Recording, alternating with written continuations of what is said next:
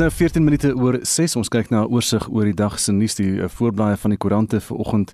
Uh, die burger het 'n foto van die rugby planloos, fitloos en seegeloos, maar miskien moet mens nie te veel daaroor praat nie. Die hoofberig se opskrif: Jooste vat sy goed en loop by WPRU. Raadslid bedank voor mosie van wantroue teen president. Dit is steeds die rugby en dit is Pieter Jooste wat dan nou um, hy sê Hy hoop dat daar die waardes van die Unie van respek en dissipline sal herwin nadat hy naweek sy bedanking as lid van die uitvoerende raad ingedien het. Hy is wêreldbekend in rugbykringe en een van die groot geeste van Suid-Afrikaanse rugby. Die bedanking kom as 'n eislike terugslag vir 'n Unie wat onder binnengevegte gebuk gaan en die berig dan daar oor die bedanking van Pieter Jooste by die WP. Nog 'n berig op die voorblad van die burger sê registrasie was suksesvol in die Wes-Kaap sê die OVK. Dis nou volgens vroeë aanduidings uit 'n bedryfsoogpunt is ek tevrede het Michael Hendrikse die verkiesingskommissie se voorsitter in die Wes-Kaap uh, gistermiddag toe nou gesê. Nog 'n berig hier op die koerant se voorblad uh 63 pikkewyne by Builders dood nadat bye hulle takel. Die ondersoek word nou ingestel na die dood van hierdie Afrika brilpikkewyne in die pikkewyn-kolonie daar by Builders in Simonstad wat deur 'n swerm bye toegetakel is. Sandparke sê die pikkewyne is tussen donderdagmiddag en vrydagoggend dood. Uh, amptenare, kundiges, veeartse daarvan Sandparke, die Kaapstadse Metro en uh, ook dan Sankub die uh, beskerming van kusvoëls uh, stigting doen ondersoek na die dood van die pikkewyne by Simonstad. Die voorblad van Beeld in die noorde van die land berig dan oor die tragedie in Nieu-Seeland. 'n Kiwis help familie drie kinders in Nieu-Seeland vermoor. Dis die storie wat nou gebeur het uh, wat almal geskok het. Ek dink regtig dit is baie moeilik. Ek kan myself nie voorstel waardeur die familiekring gaan nie. So het Jacinda Ardern, die eerste minister van Nieu-Seeland, op 'n media-konferensie gesê oor die families van Drs Graham en Lauren Dickerson van Suid-Afrika. En sy sê haar landse regering werk hard daaraan om die familielede na Nieu-Seeland te bring nadat die Dickersons se drie dogters Vrydag dood is. Die berig daaroor op die voorblad van Beeld het aan vanoggend en ook die storie oor die rugbybokke trap klei sonder rassie. Volksblad se digitale voorblad het ook 'n berig wat sê welkom ma se lyk in Lakeview gekry. Dit is dan 'n verbyganger wat die duwy bedekte lyk van 'n welkomse ma daar in die pan sien dryf het en die polisie in kennis gestel het nadat haar voertuig vroeër die dag sowat 4 km daarvandaan gekry is. Dit is dan Bianca van Tonner van welkom in die storie gaan oor haar daar. Die voorblad van Business Day vanmôre fokus op uh, Brittanje. UK red listing blow to SA tourism could cause lasting damage. En gaan daaroor dat Suid-Afrika steeds op die rooi lys is van Brittanje en dat selfs ingeënte Suid-Afrikaners as oningeënt beskou word. Dit gaan oor die die verifikasie daarvan natuurlik. Dan bbc.com met die wêreldnuus vanoggend En uh, Frankryk is nog steeds die USC in oor hierdie verdrag tussen Amerika en Brittanje en Australië en hy het nou ook sy samesprekings met eh, die Britse minister van verdediging gekanselleer.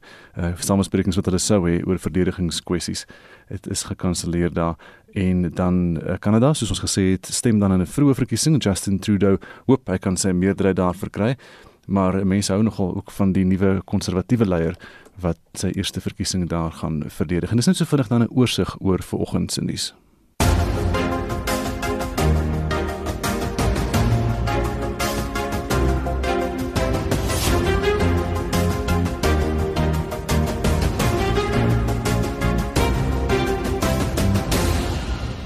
Ons SMS vraag vanoggend geskoei op die komende verkiesings en ons wil by jou weet of jy as stemgeregtigde Suid-Afrikaner glo dat jou stem op 1 November 'n verskil kan maak in terme van dienslewering in die omgewing waar jy woon. En ons wil ook weet by jong luisteraars, as jy nou vir die eerste keer geregistreer is om te gaan stem, laat asseblief van jou hoor sê vir ons hoe voel jy daaroor? Is jy opgewonde daaroor?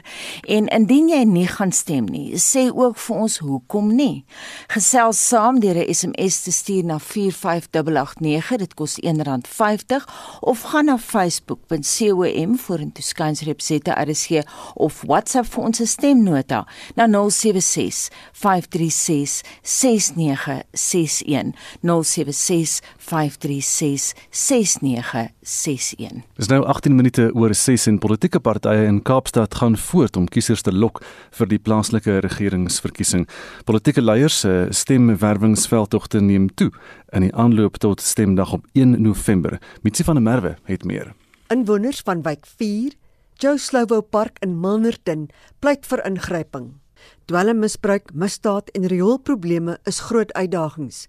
In 2016 het 60% van die meer as 15000 kiesers in die wijk gestem.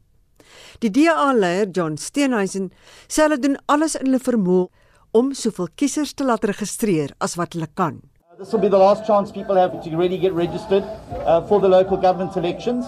And as you say, local government elections are important because they encompass all of those things that have a direct impact on your life as a voter. The roads you drive on, the water and electricity that you use, street lights and economic development. So it really is important that people do register for this. Onaangename weer kan gekeer het dat mense selfs na die stempunte kom in Lotusrivier waar die party verteenwoordigers sê dit 'n stil dag was.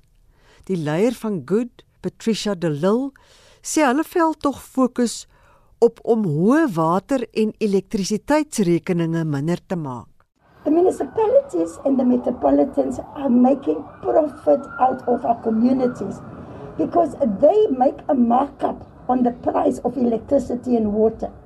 And we say that profiteering must stop because water and lights have become un- unaffordable. So our campaign, if we get in there, we will push to drop the markup on electricity and water so that the Capetonians can, can afford a water and electricity again.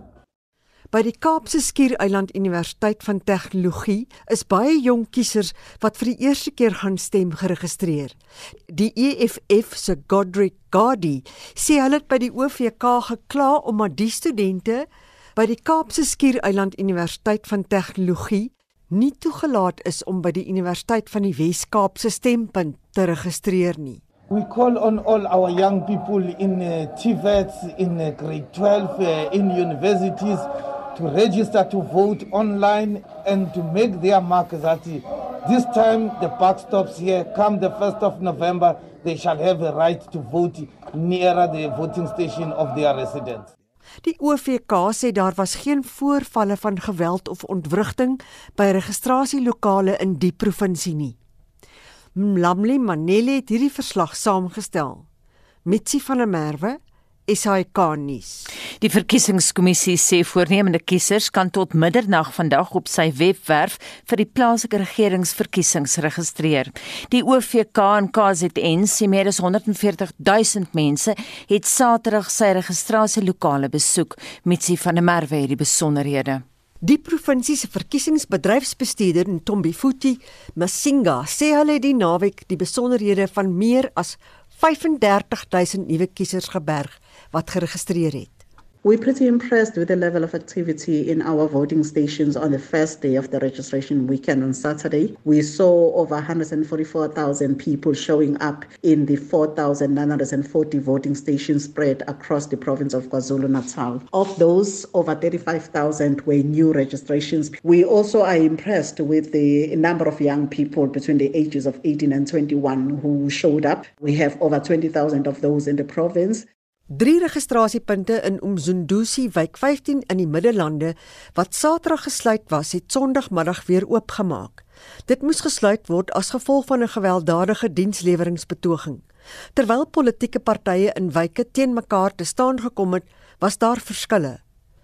Daar word beweer dat sommige ANC-lede probeer het om die EFF-leier Julius Malema te verhoed om die registrasieproses by 'n registrasielokaal in KwaDambusa te monitor. Malema het uiteindelik die terrein binne gegaan. It's a madness. I mean, how do you block people from coming into a voting station? It's very unfortunate. The ANC is blocking the gate. There's nothing we can do. But there's no way we cannot come in here. There's no way. We're here to check if our uh, comrades are doing well here. And um, it must be a free movement. Gemeenskapslede by Polly in die landelike gebied van Greyton is traag om te stem as gevolg van die nuwe afbakening. Zarina Lutuli sê hulle wil water in hulle gemeenskap hê. We don't have water. We don't have houses. Yes, others did receive them, but most of us didn't, like myself. Die streeksvoorsitter van die ANC in die Nkosi Bambata streek, Lucky Meloy, sê die ANC verkiesingsveldtog is deur die COVID-19 pandemie beïnvloed. Tracy Valedam het hierdie verslag saamgestel. Mitsi van der Merwe, SAK nuus.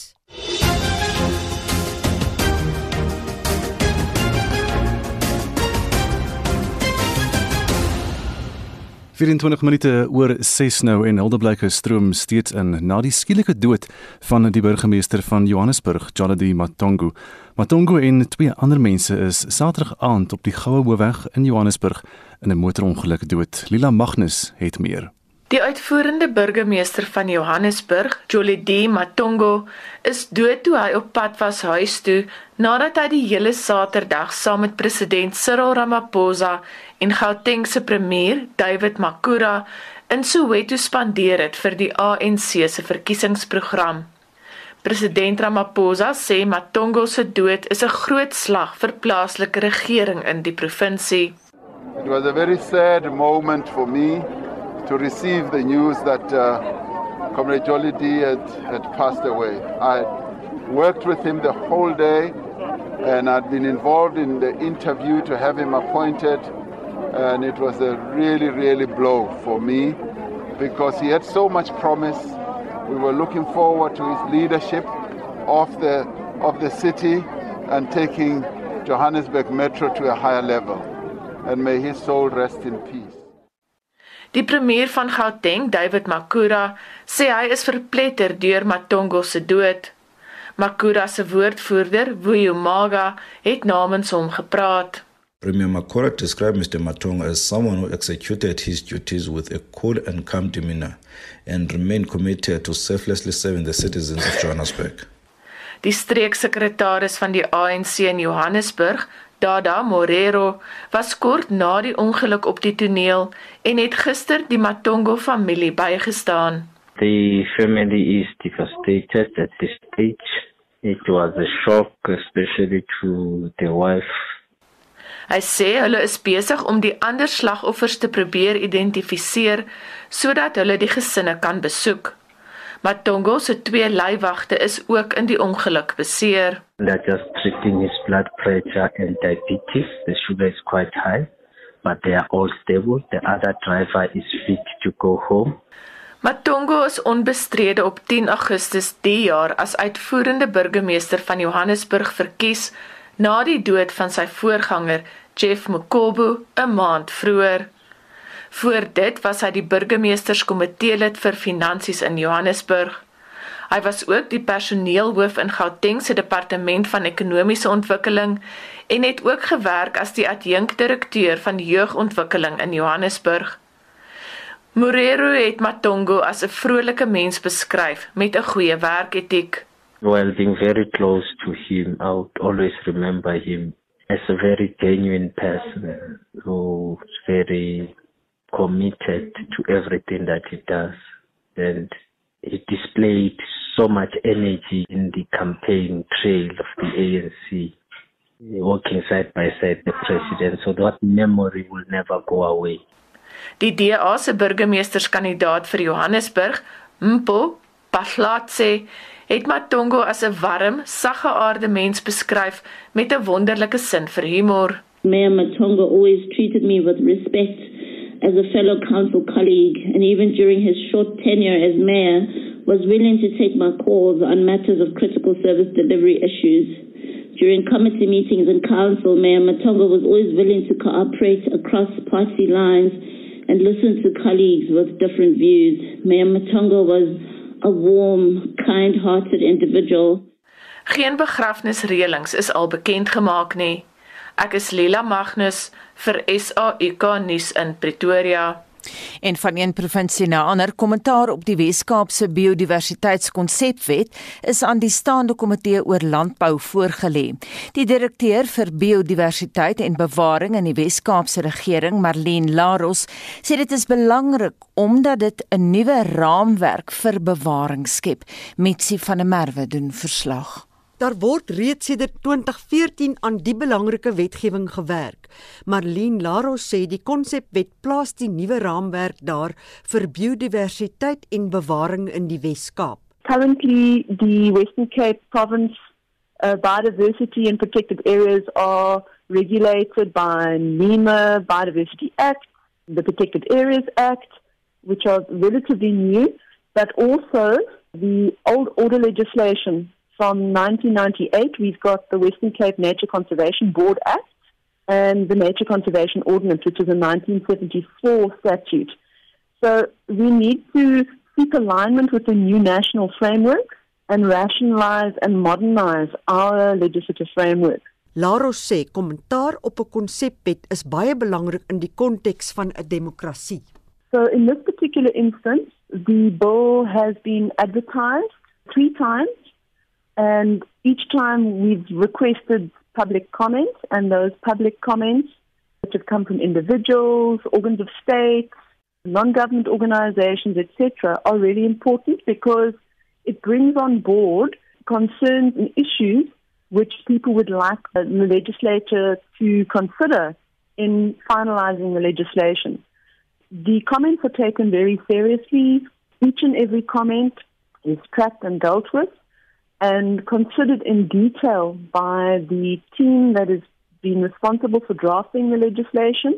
Daarna word dit deur die staande komitee bespreek wat nou gebeur. Maar is daar uiteindelik 'n moontlikheid dat sulke kommentaar toekomstige wetgewing kan beïnvloed? Absolutely. That's the intention.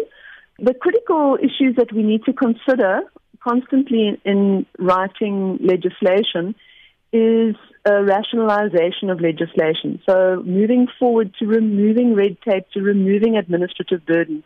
And this is indeed what this legislation is trying to do. It's trying to create a, a framework which removes some of the administrative burden and aligns upward to national legislation. But it's really important to note that you don't have to legislate on everything. Some issues can actually be dealt with in regulations and also in strategies. Dit is in die lig dat die kommentaar beoordeel word. Die belangrikste kriteria is of dit bydra om die wetgewende mandaat te help. We had about 19 commentators. They were everyone from government agencies. We've had comments from local government. We've had comments from our sister and brother provincial departments. We've had comments from national government and certain institutes that work in the sector. The sort of government and parastatal sector. Then we've also had comments from organized civil society of various sectors. We've had comments from organizations, federations which are focused on wildlife protection. We've had comments from organizations that are interested more in the business side of wildlife. Individue het ook kommentaar gelewer. Die verwagting is dat die wetgewing Maart 2022 ter tafel gelê gaan word. They may decide to for example invite certain representations if they feel it's appropriate. They need to discuss the bill and then it also then gets discussed in the legislature itself when it, it gets tabled there for consideration. So I'm hoping that before the end of this financial year that the Premier will hopefully be able to assent to this, this bill and it will become an act. In die stadium word die betrokke staande komitee ingelig oor die kommentaar. Laros sê daar was belangrike kommentaar. There were comments which assisted us providing the reader of the legislation better linkages to other legislation and specifically in relation to the broad principles set out in the National Environmental Management Act. All of the comments which we believe should result in changes affected to the legislation are actually recommended to the standing committee. But ultimately, it's the standing committee and the legislature's decisions ultimately that will carry weight. Marlene Laros is die direkteur vir biodiversiteit en kusbestuur in die Wes-Kaap. Mitsi van der Merwe, SAK nuus. Is dit wat sê die luisteraars, veral die jong luisteraars oor die komende verkiesings? Anita William Jumat sê my stem sal 'n verandering kan maak in die verkiesing, maar dit hang van een en elkeen af as die persoon wil stem of nie. En Paps van die Weshuisen sê ek stem elke keer om te sorg dat ons dorp Swellendam in die regte hande bly. Ons dorp word goed regeer, dis skoon en mooi en alles werk hier. Mike Oortel skryf: Dis nie of dit 'n verandering gaan maak nie, daar moet drastiese verandering kom of Suid-Afrika sal in totale mislukking vervul. En Kobus Pieterse laat weet feitelik alle groot partye gaan 'n koalisie met mekaar aan, so jou stem word misbruik. Stem reg of jy gaan teleurgesteld wees. En Amanda Munro skryf: Ek sal stem, maar is bloot uit my sin van pligsgetrouheid. My verstand sê ek mors my tyd, maar my hart sê ek moenie moed opgee nie. Ons suidkus is in absolute chaos en ons stem nie en ons staan nie 'n kat se kans nie. Ons het te veel oningeligtes. Ons wil vanoggend by jou weet of jy glo dat jou stem op 1 November 'n verskil kan maak in dienslewering in die omgewing waar jy woon. En as jy 'n jong mens is wat dalk vir die eerste keer geregistreer is om te stem, laat gerus ook van jou hoor of jy in die verkiesing gaan stem. En indien jy nie gaan stem nie, sê ook vir ons hoekom nie. Stuur vir ons 'n SMS na 45889. Onthou dit kos R1.50 per SMS. Gaan ons Monitor en Spectrum Facebook bladsy en gesels daar saam of WhatsApp vir ons stemnota na 076 536 6961.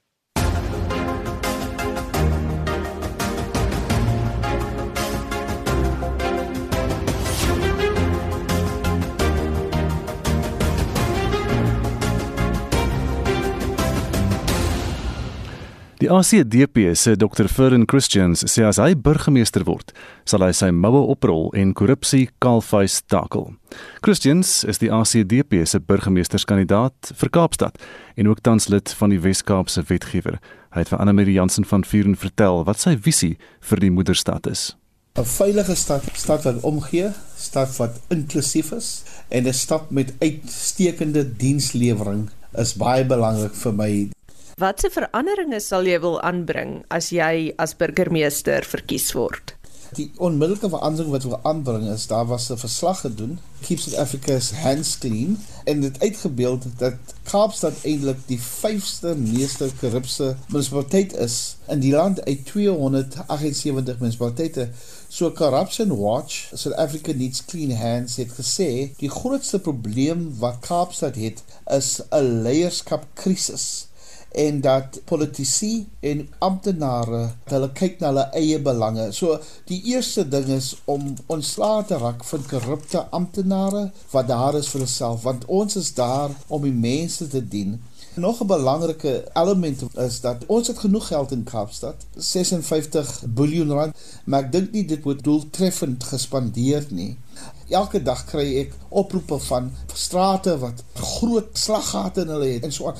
Ek wil graag na die begroting kyk en dit meer dienslewensgerig het en dat ons die belastingbetaler wat geld betaal dat ons hulle waardeer en respekteer en die geld spandeer om sekere probleme uit te wis. Jy praat nou juis oor dienslewering en meeste Suid-Afrikaners is nou al keelvol vir swak dienslewering. Maar elke 4 jaar met die verkiesings sal maak politici beloftes dat hulle dienslewering gaan verbeter en tog gebeur dit nie. Het jy 'n plan van aksie van hoe jy regtig jou moue gaan oprol en seker maak dit gebeur?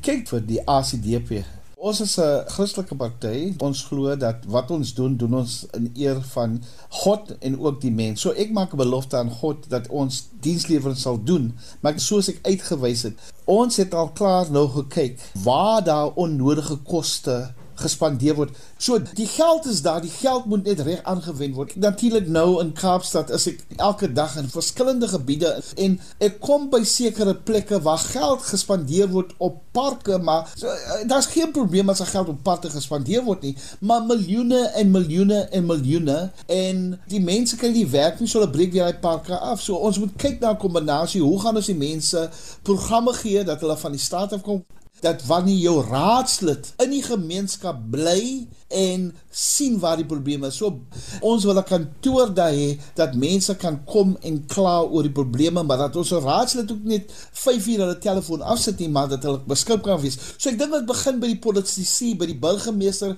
en die raadslede. Ons moet hulle reg kry. Hulle moet daar wees om die mense dien en dan kan ons 'n voorbeeld wees vir die amptenare wat die werk moet doen.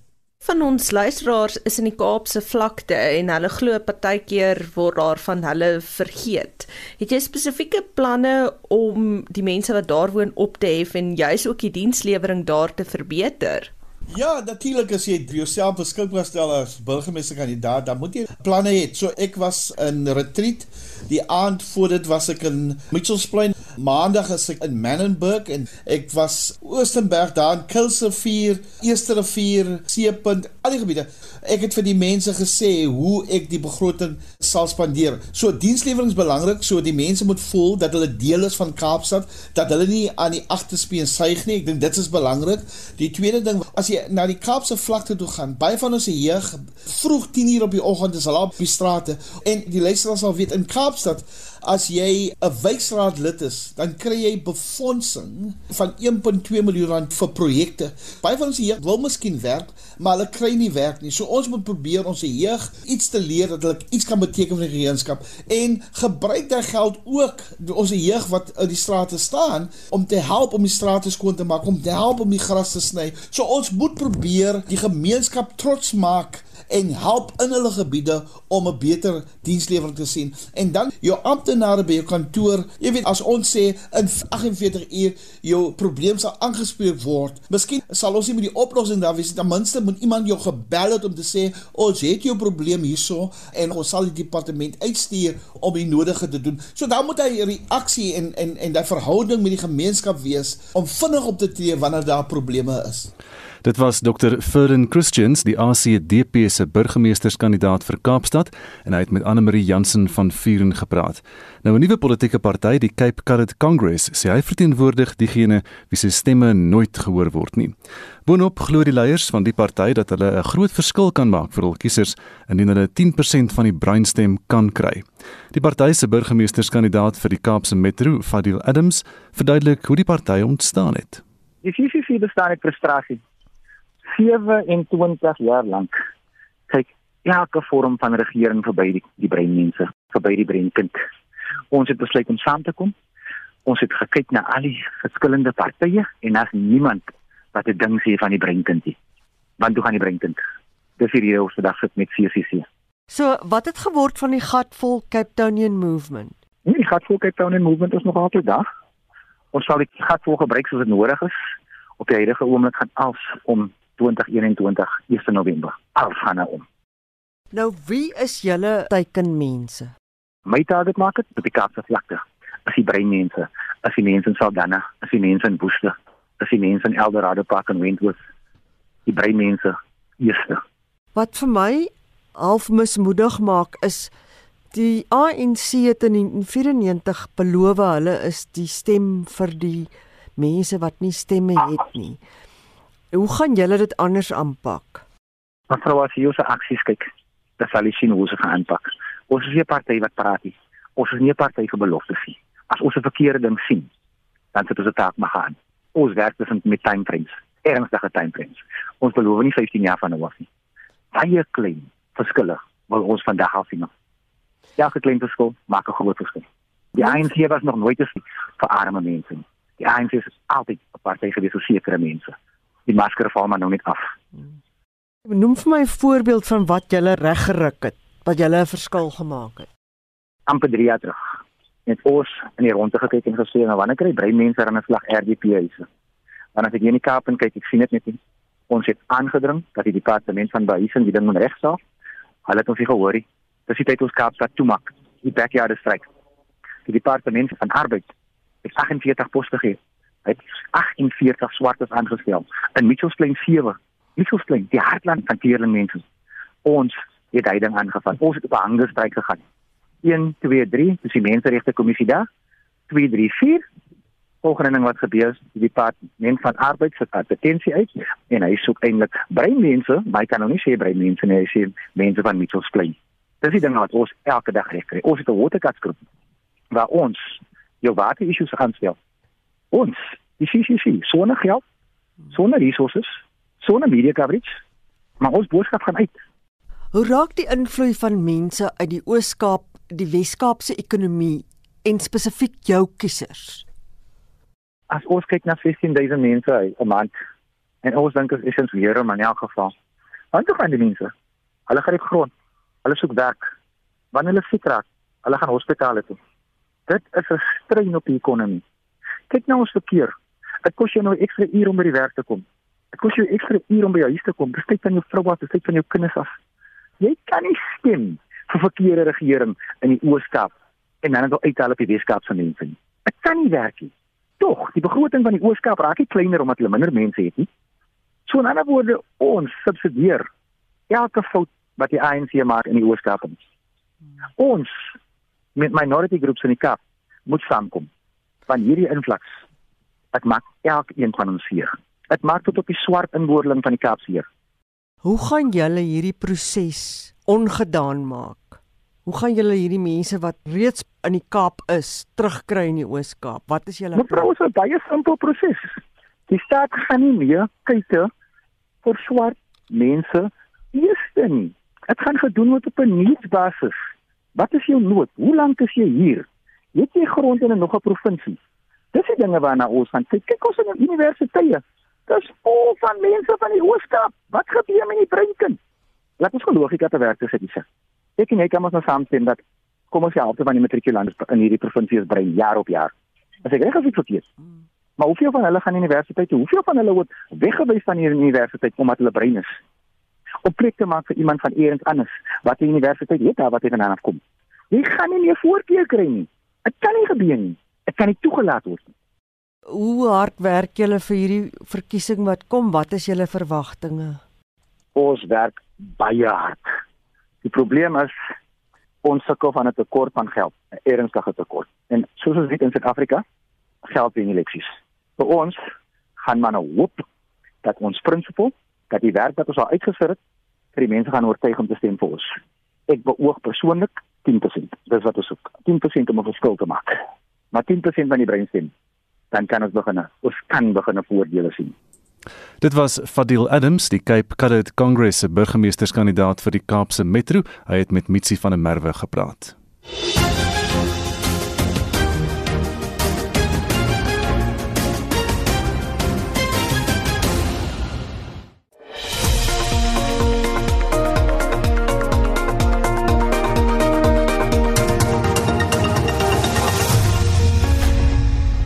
Die Kanadese gaan vandag na die stembus na een van die kortste aanlope tot 'n verkiesing in die Noord-Amerikaanse reus.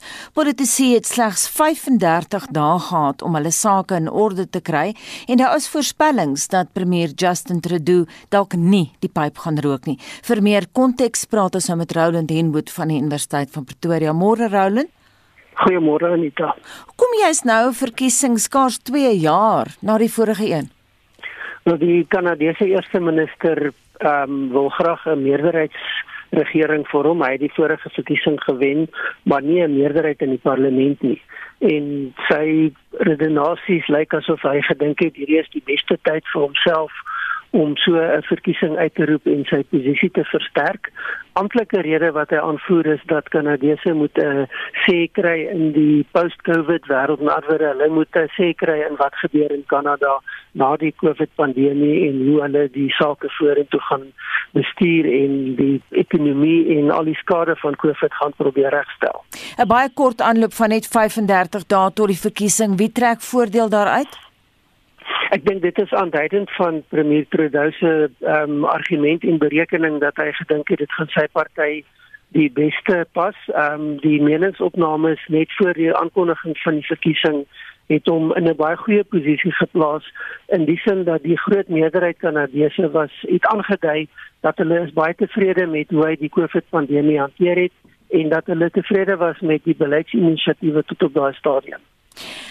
Kom ons kyk 'n bietjie na die politieke oppositie. Die nuwe demokrate het nou vir Jack Mead sing. Ons het 2 jaar gelede Roland nogal eh, redelik oor hom gepraat en hy het baie aandag getrek, maar die Groenes het vir Annelie Pok en ehm um, die konservatiewes vir Erin O'Toole as al lank in die politiek. Is daar enige een wat jou aandag trek?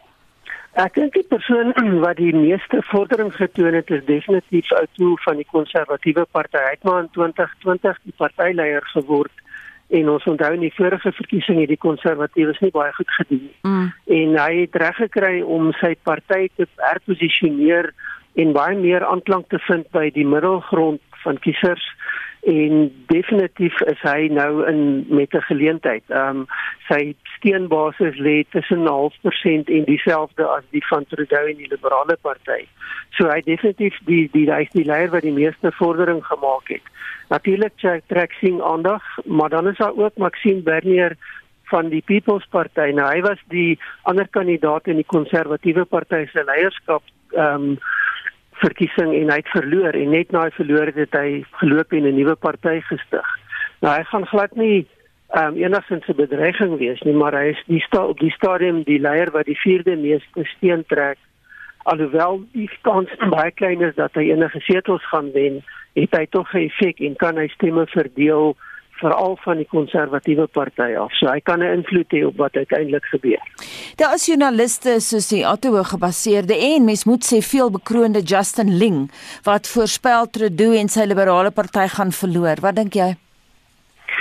Dit is moontlik die die ehm um, verkiesing tussen die konservatiewe en die ehm um, liberale party is kop aan kop. Dis so naas wat 'n mens kan kom.